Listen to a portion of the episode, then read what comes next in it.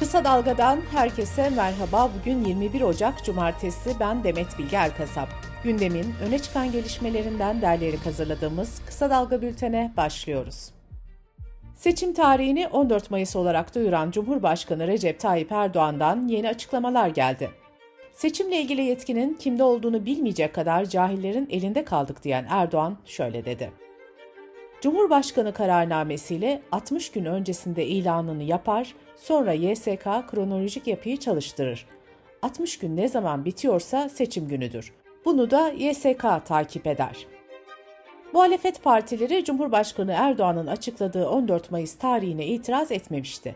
Ancak muhalefet seçim kararının meclisten çıkmasına destek vermeyeceğini açıklamıştı.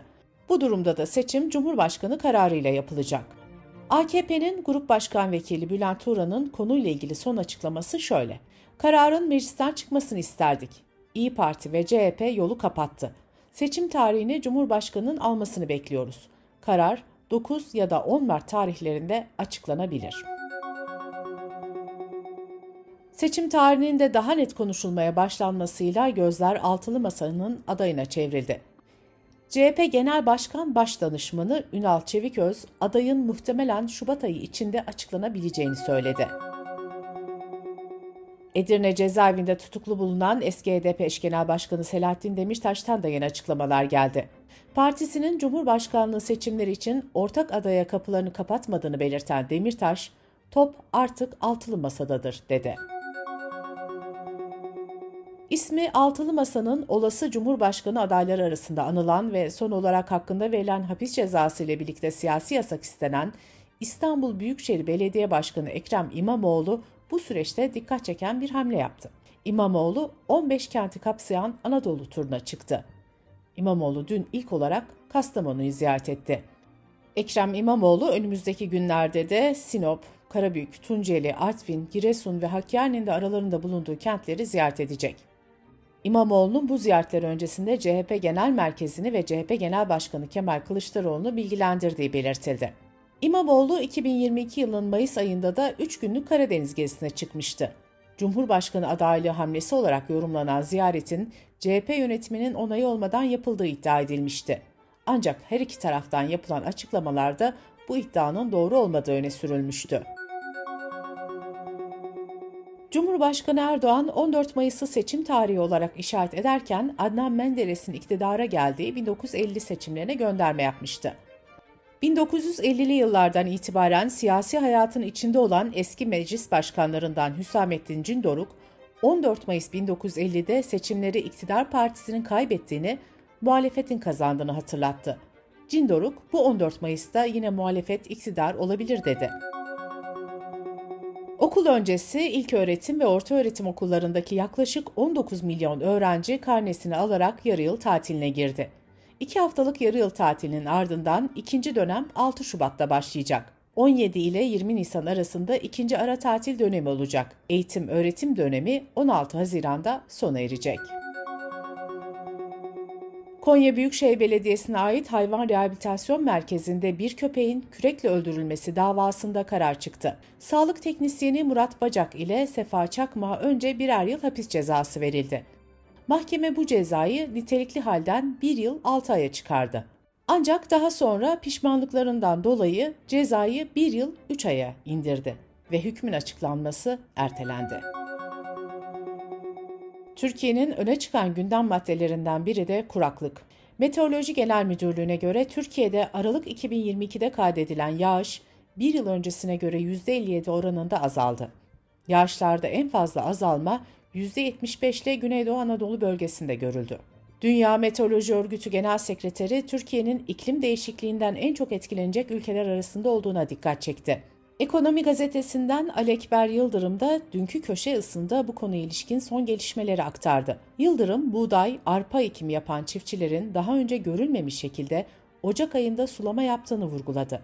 Tarımda en büyük endişe ise ilkbaharda yağışların yetersiz kalması. Konuda ise henüz net tahminler yapılamıyor. Büyük kentlerde ise kullanılan su azalıyor. İSKİ'nin dün açıkladığı son verilerine göre barajlardaki doluluk oranı %30'a düştü kurum yurttaşları da suyu dikkatli kullanmaları konusunda uyardı.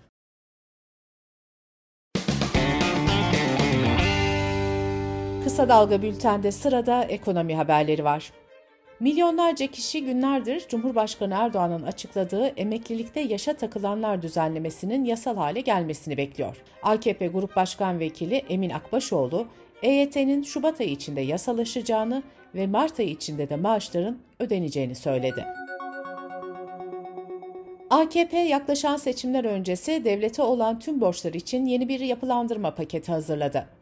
NTV'nin haberine göre Cumhuriyet tarihinin en kapsamlı borç yapılandırma paketi diye anılan düzenleme gelecek hafta başında kabine toplantısında ele alınacak ve Şubat ortasında yasalaşacak. Pakete göre 31 Aralık 2022'ye kadar devlete olan tüm borçlar yapılandırılacak. Düzenlemenin vergi borçlarını, dava sürecinde olan cezaları, öğrenim kredilerini, trafik cezalarını, nüfus cezalarını, otoyol ve köprülerden kaçak geçiş cezalarını da kapsaması bekleniyor. Türkiye Odalar ve Borsalar Birliği Aralık ayına ilişkin kurulan ve kapanan şirket istatistiklerini açıkladı. Bir önceki aya göre kapanan şirket sayısı %177, kapanan kooperatif sayısı %218 ve kapanan gerçek kişi ticari işletmelerin sayısı da %41 arttı. Türkiye İstatistik Kurumu verilerine göre tarımsal girdi fiyatları Kasım ayında bir önceki aya göre %2.38 arttı. Tarımsal girdi fiyatlarındaki yıllık artış ise %121'i aştı. Sosyal medyada yatırımcılara yanıltıcı bilgi verenlere Sermaye Piyasası Kurulu'ndan uyarı geldi. SPK Başkanı İbrahim Ömer Gönül sosyal medya hesaplarının 24 saat takip edildiğini belirtti. Gönül, hatta borsa paylaşımı yapan hesaplar bazen şifreli mesajlar yolluyor mu diye de bakıyoruz dedi. Dış politika ve dünyadan gelişmelerle bültenimize devam ediyoruz. Yunanistan Başbakanı Miçotakis, Türkiye ile ülkesi arasındaki anlaşmazlıkları Cumhurbaşkanı Erdoğan'la konuşarak çözebileceğine inandığını söyledi. Miçotakis, Türkiye ile savaşmayacağız dedi. Erdoğan'a dün Miçotakis'in bu açıklamaları soruldu. Erdoğan'ın yanıtı şöyle oldu. Bu söylemler bölgenin kaderini belirlemeye yeterli değil. Gerek Lozan, gerek diğer anlaşmalara ters adımlar atılıyor. Gereken adımları biz uluslararası toplantılarda söylüyoruz. Bunlar da başlarının çaresine bakacaklar. Türkiye ile Yunanistan arasındaki sorunlar içinde Ege ve Doğu Akdeniz'deki deniz yetki alanları konusundaki anlaşmazlığın yanı sıra Atina'nın Ege'deki adalara asker ve silah konuşlandırması da yer alıyor. Ankara, adalardaki Yunan askeri varlığının uluslararası anlaşmaları ihlal ettiğini belirtiyor. Yunanistan ise anlaşmaların adalarda asgari bir askeri varlığa izin verdiğini öne sürüyor. Ukrayna Devlet Başkanı Zelenski, Almanya'nın ülkesine Leopard 2 tanklarını göndermekte tereddüt etmesini eleştirdi. Zelenski, 6 ay daha bu konuyu konuşabilirsiniz ama burada her gün insanlar ölüyor dedi.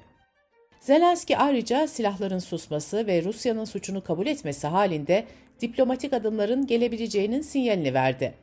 Almanya Başbakanı Scholz çarşamba günü Davos'ta Ukrayna'ya tankların tedariki konusunda taahhütte bulunmaktan kaçınmıştı.